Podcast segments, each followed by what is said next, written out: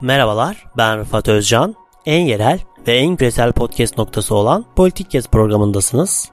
Bu programda ülkemizde ve dünyada meydana gelen gelişmeleri, iletişim, sosyoloji ve siyaset gibi alanlar üzerinden konuklarımla birlikte geniş bir perspektifle ele alıyorum. Haydi başlayalım. Merhabalar, Politik Gez Podcast programına hoş geldiniz. Bugünkü konuğum e, Raves Araştırma Direktörü e, Reha Ruhavioğlu. Kendisiyle son olarak açıkladıkları bölgesel siyasi eğilimler araştırmasını konuşacağız. Programa hoş geldiniz Reha Bey. Merhaba, hoş bulduk. İyi yayınlar. Ya bu araştırmaları ne aralıklarla yapıyorsunuz? Bu araştırmalar arasındaki değişimleri sormak istiyorum. Bir de araştırmanın yöntemi ve içeriği hakkında da böyle kısa bir bilgi verirseniz sevinirim. Yani bu araştırmayı özelde 2020 biterken ve 21 başlarken siyasi manzara ne durumda bölgede onun bir görülmesi için e, yürüttük. Bunun dışında e, yaklaşık iki ayda bir falan yürüttüğümüz siyasi araştırmalar var ama e, pek paylaşmıyoruz. Birkaç ay sonra örneğin yine paylaşabileceğimiz bir araştırma olursa bugünkü veriyle kıyaslayabilelim diye bir açık kaynakla ulaşılabilir bir veri olsun istedik. Metodolojisi şu bu araştırmanın. Dört büyük şehirde Diyarbakır, Urfa, Van ve e, Mardin'de 1497 kişiyle yapıldı bu araştırma ve bir ayrıca bu araştırma kapsamında 25 özür dilerim 25'i seçmen 15'i de kanaat önderi diyebileceğimiz sivil toplum medya vesaire e, yerlerin temsilcileri e, olacak şekilde 20 40 insanla da bir derinlemesine mülakatlar yapıldı. Bazı konuların daha derinlikli anlaşılabilmesi için böyle bir nitel ayağı da var. Hem nicel hem nitel ayağı. Araştırma bu dört ilde yaklaşık 3 milyona 3 milyondan fazla seçmeni temsil ediyor. Ancak bu dört büyük şehrin bölgeyi temsil etme kabiliyeti yüksek olduğu için bölgenin genel siyasi manzarasını e, yansıtmak için iyi bir temsil olduğunu söyleyebilirim. Ki burada yani en ilginç e, olan verilerden biri CHP'nin e, oy oranını 3 katına çıkardığı göze çarpıyor. Bunun nedenini siz neye bağlıyorsunuz? Araştırmanın belki de e, beklenmedik sonuçlarından biri. Kamuoyu açısından söylüyorum. CHP'nin bölgede 3. parti olmuş olması. Çünkü biz daha çok Deva ve Gelecek e, gibi yeni partiler bölgede ne durumda oluyorlar, nasıl yükseliyorlar, HDP ve AK Parti'den sonra hangisi üçüncü parti olarak yerleşecek diye düşünürken yani kamuoyu daha çok böyle beklerken CHP'nin bu bölgede iki buçuk olan oyunu yedi buçuğa çıkararak üç katını yani üç kat bir büyüklüğe eriştiğini ve bölgenin hali hazırda üçüncü partisi olduğunu. Burada birkaç şey var. Birincisi gördüğümüz manzaralardan bir tanesi HDP'nin oyunun azalmamakla birlikte artmadığı da. Yani HDP'de 2 puanlık bir azalma görülüyor. Ancak bu kadar e, hem siyasi hem de e, hukuki sorunlarla uğraşan bir partinin seçmenin kahir ekseriyetinin duruyor olması aslında bu düşüşün tolere edilebileceği yani sandıkta tolere edilebileceği hatta HDP'nin bugünkü e, manzaradan fazla olabileceğini söyleyebiliriz. Fakat şunu görüyoruz. Bir, daha önce pek oy kullanmamış, ilk kez oy kullanacak ya da geçen seçim boykot etmiş insanlar çoğunlukla CHP'ye bir ilgi gösteriyorlar. Bu şu demek, sizinle yine konuşmuştuk hatırlarsanız bizim bir gençlik araştırmamız vardı. Kürt Gençler Araştırması. Orada CHP Kürt gençlerin ikinci partisi olarak öne çıkmıştı. Şimdi CHP'nin yükselişinin bu iki araştırmayla da bilgisi var. CHP 2018'den beri Kürtlerle daha olumlu bir e, ilişki kurmaya ve sıcak bir e, dil tuturmaya çalışıyor. Kürtleri incitmeden hatta yer yer gönüllerini alan, onore eden bir dil kurmaya çalışıyor. 2018'de bugün her ne kadar e, iz kalmış olmasa da Muharrem İnce'nin Cumhurbaşkanlığı adaylığı döneminde e, böyle bir politikayı gördük. Öbür taraftan bu politika 2019 31 Mart seçimlerinde esas kendini gösterdi. İstanbul gibi İzmir, Ankara, Adana, Mersin, Antalya gibi yerlerde HDP aday göstermeyerek CHP'nin adaylarını destekledi. CHP'nin adayları özellikle İstanbul özelinde ortaya çıkan tablo biliyorsunuz seçim yenilendi ve HDP'nin seçmeni ikinci tura yenilenen seçime çok daha yüksek bir oranda gidip İmamoğlu'nu desteklediler.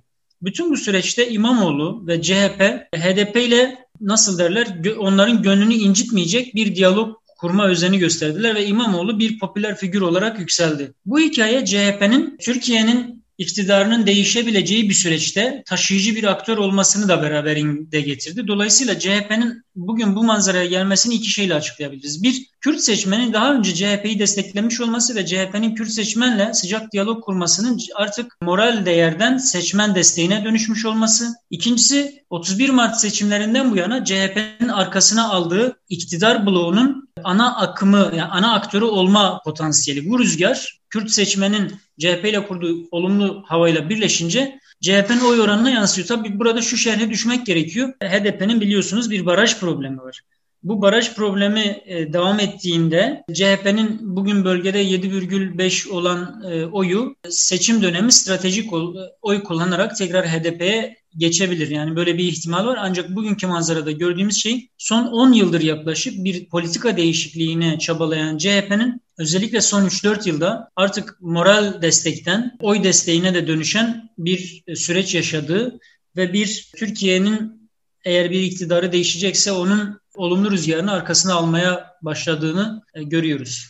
Yani bir de bu baraj probleminde belki işte resmi ittifak tam girilirse HDP'nin öyle bir şeyi de e, kalmayacak. Öyle bir e, handikapı da var e, bir yandan da o, o, o olayların. E, bir de tabii ki AK Parti ve HDP diğer aktörler e, bölgede. Onların oy oranları nedir ve siz bunu nasıl değerlendiriyorsunuz? Şimdi bu konuda en çarpıcı manzara şu. Yani HDP açısından çok bir değişiklik yok.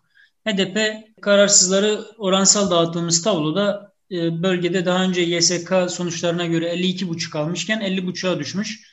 2 puan düşmüş görünüyor. Fakat bu 2 puan yani HDP açısından tolere edilebilir bir şey. Biliyorsunuz HDP seçmen olmak artık riskli bir halde aldı. Onu telaffuz etmek zor oluyor vesaire.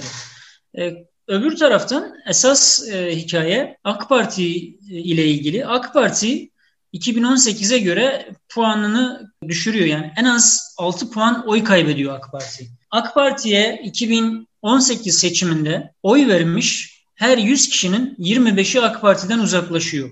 Ama bu uzaklaşan seçmenin ilk durağı herhangi bir partiden ziyade daha çok kararsız ve boykot oluyor. Fakat bu oraya yığılmış seçmeni kendi haline bırakmayıp bir tur daha soru sorduğumuzda ya boykot edecek olmasanız sandık başında olsanız kime verirsiniz dediğimizde bu seçmenin o ayrılan 25 kişinin 9'unun AK Parti'ye geri döndüğünü görüyoruz. Kalanların çoğunlukla Deva ve Gelecek arasında dağıldığını görüyoruz. Dolayısıyla Deva ve Gelecek açısından AK Parti'nin rahatsız seçmeni çok önemli bir potansiyel. Ancak bu seçmen ayrılır ayrılmaz yeni partilere gitmiyor. Onu bir kere daha ona bu soruyu sormanız gerekiyor. Dolayısıyla Deva ve Geleceğin ilk oy deposu diyelim AK Parti'nin küskünleri. Ee, öbür taraftan AK Parti'nin 100 seçmenin 25'inin küskün olması, özür dilerim rahatsız olması ancak e, sandığı gördüğünde 9'unun geri dönmesi de önemli bir gösterge. Hala e, bu partiler yeni partiler ya da muhalefet partileri AK Parti'nin rahatsızları için yeterince cezbedici değiller. Bunu söyleyebiliriz. Ancak bununla birlikte de Gelecek ve Deva'nın Türkiye ortalamasının yaklaşık iki katı oy aldıklarını Kürt seçmen ya da bölge seçmeni dersek daha doğru olur. Bölgedeki seçmen açısından e, seçmen nezdinde Deva ve Geleceğin gördüğü ilgi Türkiye ortalamasının yaklaşık iki katı. Deva bölgede bizim araştırmamıza göre yüzde beş oy alıyor. Gelecek de 3,1 oy alıyor. Bu oy oranları Türkiye'de aldıkları genel oyun yaklaşık iki katına tekabül ediyor. Bunları söyleyebilirim. Yani yeni partilerin oy oranlarından biraz bahsettiniz. Ya bilinirlikleri ne durumda? Yani bölgede Deva ve Gelecek genel olarak bilinen partiler haline geldiler mi artık? Bölgede kişiler olarak önce söyleyelim. Kişisel olarak eski başbakan olmasının getirdiği avantajla e, Ahmet Davutoğlu daha fazla tanınıyor. Davutoğlu'nu mesela hiç duymamış ya da pek duymamış olanların oranı %30 iken Babacan için bu %46. Yani bu şu demek seçmenin %70'ine yakını e, Davutoğlu'nu tanırken %55'i Babacan'ı tanıyor. Deva ve Gelecek Partilerinde bu fark biraz kapanıyor ancak yine de Gelecek Partisi daha önde görünüyor. Gelecek Partisi'ni bilenlerin oranı %52, Deva Partisi'ni bilenlerin oranı %47. Yani seçmenin yarısından fazlası devayı bilmiyor, yaklaşık yarısı da geleceği bilmiyor. Şimdi bu hem bir handikap bu partiler için hem de bir avantaj, bir fırsat daha doğrusu. Handikap ne? Bir yıldır kurulmuş partiler önemli e, seçmen kitlesi bölge seçmeni olmakla birlikte henüz bu seçmenin yarısı tarafından bilinmiyorlar. Avantaj ne? Bugün gelecek ve deva bölgede Türkiye ortalamasının iki katı oy alıyorlar. Fakat bu oranlar onları tanımayan bir yüzde 50'nin içinden aldıkları oran. Yani diğer yüzde 50'de de tanın, tanınırlığı, bilinirlikleri gelişirse bu partilerin oy potansiyelinin daha güçlü olduğu anlamına e, gelir. Dolayısıyla bu partilerin işte ne yapması lazım? Bölge bölge ile ilgili projeksiyonlarını biraz daha gözden geçirip daha hassas davranmalar lazım. Öbür taraftan belki Deva ile ilgili bir handikap daha söylemek e, mümkün. Deva bugün aldığı oyun kahir ekseriyetini erkeklerden alıyor. Yani bölgede aldığı 100 oyun yaklaşık 80'ini, 81'ini deva erkeklerden alıyor. Sadece 20'sini kadınlardan alıyor. Ancak gelecek için öyle değil örneğin. Gelecek kadınlarda daha çok biliniyor, daha çok oy alıyor kadınlardan. Dolayısıyla kadın erkek dengesini kuramamak kadın seçmene yeterince ulaşmadığı anlamına geliyor. Yani deva yüzde toplumun yüzde ellisi tarafından bilinirken bu yüzde ellinin kahir ekseriyetini erkekler oluşturuyor. Bu da hem bir handikap hem de bir fırsata dönüşebilir. Yani henüz kadınların çok azı bu partiyi tanıyorken bu partinin kadınlara ilişkin özel bir politika yürütmesi durumunda bunu fırsata dönüştürme potansiyeli var. Öbür taraftan DEVA HDP'den yaklaşık HDP'nin oyunun yüzde ikisini yaklaşık çekiyor. Gelecekte HDP'nin oyunun yüzdeli yaklaşık yarım puan e, oyunu çekiyor HDP'den. Bu partilerin kahir ekseriyetle aldıkları oylar AK Partililerin oyları ve daha önceki seçimlerde oy kullanmamış insanların e, oyları. Örneğin geleceğin aldığı 100 oyun içinde daha ön, 100 oyun 34'ü geçen seçim oy kullanmamış insanların oyu. 37'si de AK Parti'nin AK Parti'den gelenlerin oyu. Böyle bir yoğunluk var. Diğer partilerden daha az oy çekiyorlar.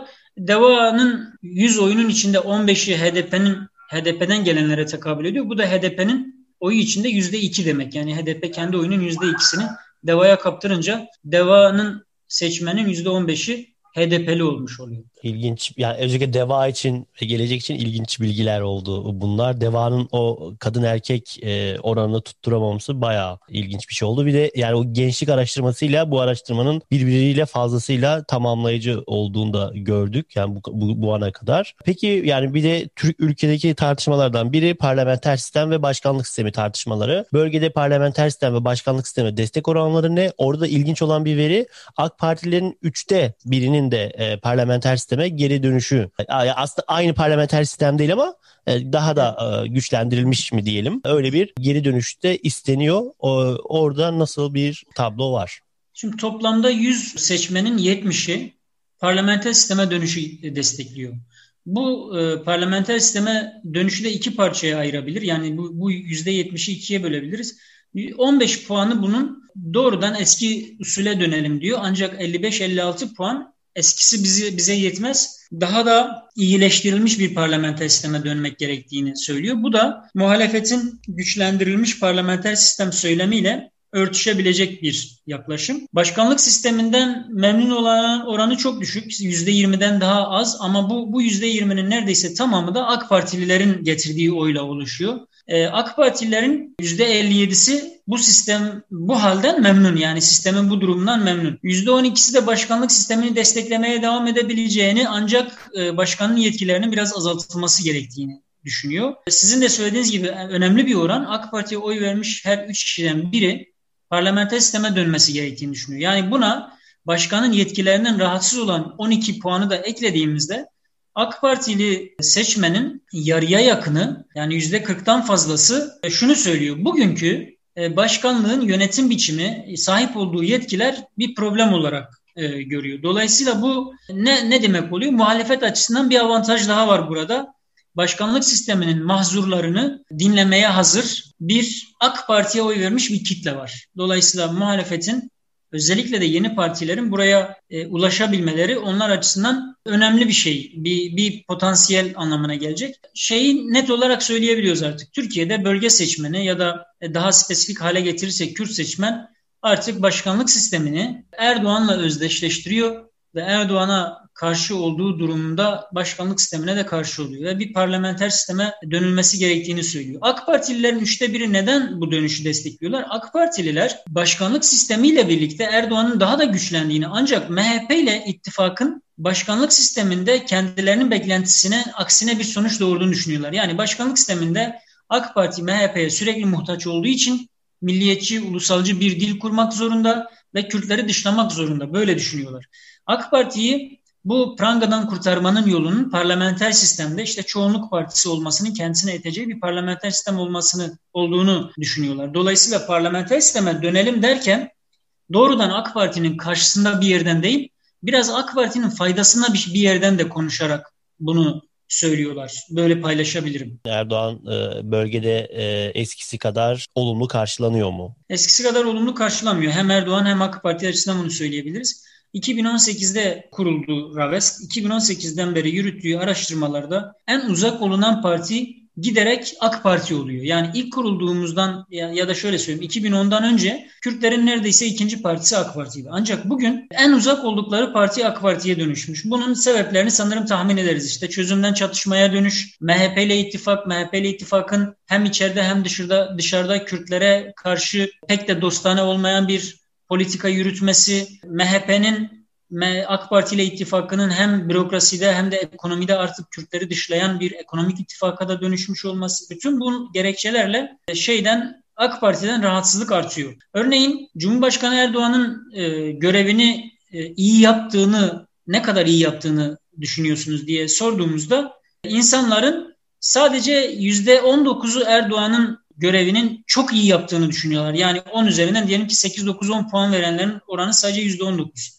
Bir 19-20 de 5-6-7 arasında veriyor. Ancak yaklaşık %60'ı 4 puan ve aşağısında bir oy veriyorlar. Ve çok düşük mesela 1 puan verenlerin oranı %39 çok yüksek bir oran. AK Partililerin yani AK Parti'ye oy vermiş seçmenin yaklaşık yüzde 11'i bugün Erdoğan'a düşük puan veriyor. Bu, bu ilginç bir gösterge olabilir. Yine bununla birlikte belki bir sonraki benim önümdeki en azından veriler açısından bir sonraki veri şu olabilir. AK Partililerin yüzde yaklaşık 11'i, 10,5'u Erdoğan'ın kazanamayacağını düşünüyor. Ama bundan daha ilginç bir şey AK Parti'ye oy vermiş seçmenin yüzde 9'u da Erdoğan'ın kazanmasını istemiyor. Yani doğrudan Erdoğan'ın karşısına yerleşmiş bir yüzde dokuzluk seçmenden bahsediyoruz.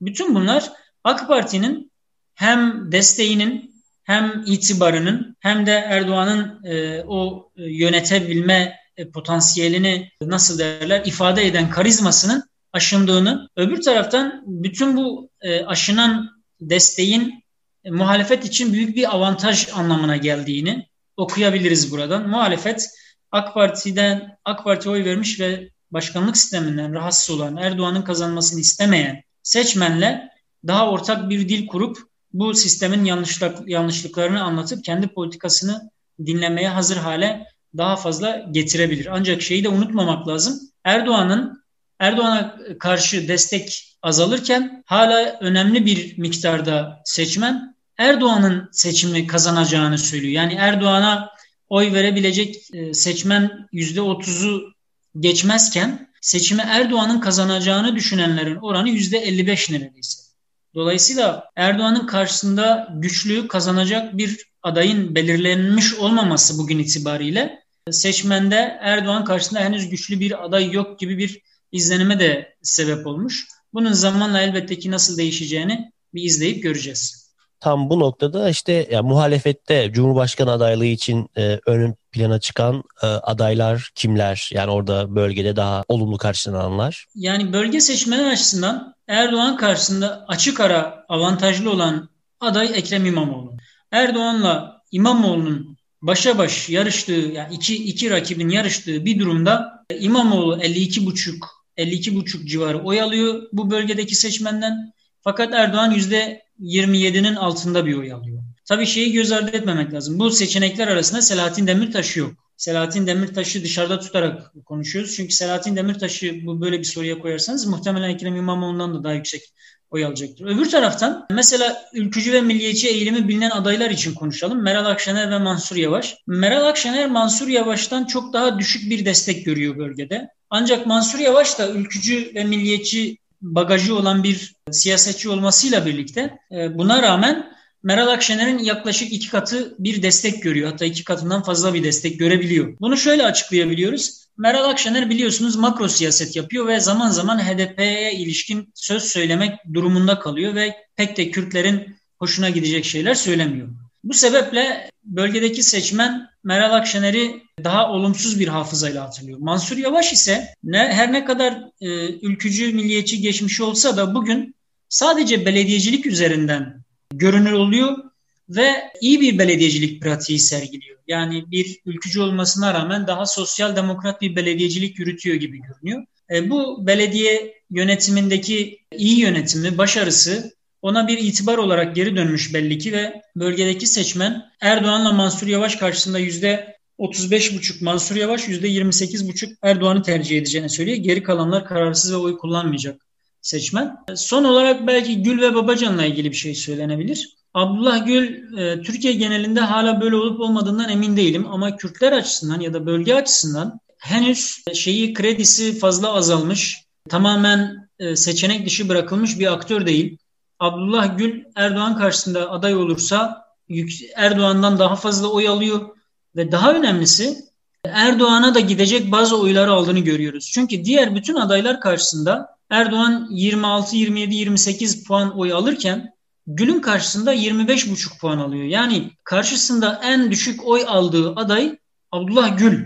Bu bize şunu gösteriyor. Yani AK Parti'nin seçmeni karşıya Erdoğan'ın karşısına o, o havzadan bir insan konulduğunda Erdoğan'dan uzaklaşma ve buraya yakınlaşma temayülü gösteriyorlar. Baba, Babacan için benzer bir şeyi söylemek mümkün ancak henüz erken çünkü Babacan'ı sorduğunuzda e, Cumhurbaşkanı adayı olacak mı ki gibi bir soruyla karşılaşıyorsunuz. Yani Babacan'ın e, partisini meclise taşıyacak bir siyasi parti lideri mi yoksa Cumhurbaşkanlığına yürüyecek bir Cumhurbaşkanı adayı mı olup olmadığı meselesi seçmenin zihninde net olmadığı için Babacan'la ilgili değerlendirmeler henüz e, güçlü değil. Ancak Babacan'ın mesela %26 oy alıyor olmasını şu şu veriyi gö, göz önünde bulundurarak okumak lazım. E, seçmenin yaklaşık yarısı Babacan'ı tanımıyor. Buna rağmen %26 oy alıyor. Dolayısıyla Babacan açısından burada bir nasıl derler bir fırsat da burada var. Aynı şey yani Davutoğlu'nun oyu düşük %19,9 e, Erdoğan'ın karşısında. Ancak aynı şey Davutoğlu için de kısmen söylenebilir. Yani bu iki aday henüz seçmenin bunların partiler henüz seçmenin yarısı tarafından biliniyorken aldıkları oy oranları bu. Ama Erdoğan seçmenin %100'ü neredeyse tarafından biliniyor ve aldığı oy %27,5. Yani Babacan'ın aldığı oydan bir puan fazla örneğin. Teşekkür ederim. Benim sorularım burada bitti Reha Bey. Son olarak sizin eklemek istediğiniz herhangi bir şey var mıdır? Çok teşekkür ederim. Yani belki şeyi de vurgulamak gerekebilir. Bölgede iki birkaç sorun. Bir, bir belediyelere kayyumu soruyoruz biz her araştırmada. Daha önce 2019 Ağustos'unda açıkladığımız bir araştırma vardı. Orada belediyelere atanan kayyumlardan rahatsızlık %76 iken bugün %82'ye yükselmiş. Neden yükseldiği meselesi bence önemli. Çünkü AK Parti'ye oy veren seçmen belediyelere kayyumlar atandığında belki AK Parti kitlesiyle belediyelerin e, temasının daha da güçleneceğini, ilişkinin daha da kuvvetleneceğini düşünüyorlardı. Ancak geçtiğimiz zaman böyle olmadığını gösterdi. Kayyumlar daha çok e, dış, bürokratları da dışarıdan getiren, ihaleleri de dışarıya veren ve kentle pek teması olmayan kurumlar oluşturdular. Yani belediyeleri böyle kurumlara dönüştürdüler. Bu da belediyeyi şehrin merkezinde ama şehirden kopuk bir şeye dönüştürdü. Sanırım AK Parti seçmeni şunun şunun farkına varmış. Yani ya biz e, bir şey murad ettiysek eğer, bu bizimle güçlü iletişim kurmasını murad ettiysek belediyelerin, e, o muradımız karşılık bulmadı. Dolayısıyla bu politika yanlış eğilimi güçleniyor. Bu da yani hem kayyum politikası bağlamında hükümetin değerlendirmesi gereken bir şey hem de HDP'nin HDP lehine bir mesaj var buradan. Onu alıp nasıl değerlendireceği kendilerinin bileceği şey. Bölgedeki önemli iki gündem yani ekonomi dışındaki önemli iki gündem kayyumlar ve ana dil meselesi. Muhalefet partileri açısından da bu iki gündem mesajlar taşıyor. Yani bölge seçmeni ile iletişimi kurmak bu gündemler üzerinden daha mümkün ve daha kolay görünüyor. Böyle söyleyebilirim. Ben de böyle tamamlamış olayım. Çok teşekkür ederim. Bu araştırmanız hem muhalefet hem iktidar için yani değişimin ayak izlerini gösteriyor belli noktalarda. Belki işte birkaç yıl sonra referans verilebilecek bir araştırma olacak bu noktada. Ben tekrardan çok teşekkür ediyorum. Reha Bey ile e, bölgesel siyasi ilimler araştırmasını konuştuk. Biz dinlediğiniz için teşekkürler. Kulağınız bizde olsun en yerel ve en küresel podcast programı Politik Kesti dinlediniz.